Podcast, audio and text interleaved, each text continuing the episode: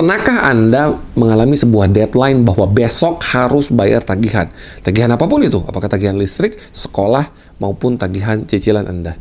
Dan saat itu Anda bingung bagaimana caranya agar besok Anda bisa mendapatkan uangnya.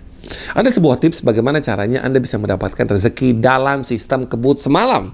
Dan caranya adalah kuatkanlah keyakinan Anda 100% sama Allah. Yakinlah bahwa rezeki akan datang. Karena pertolongan Allah seringnya datangnya di injury time.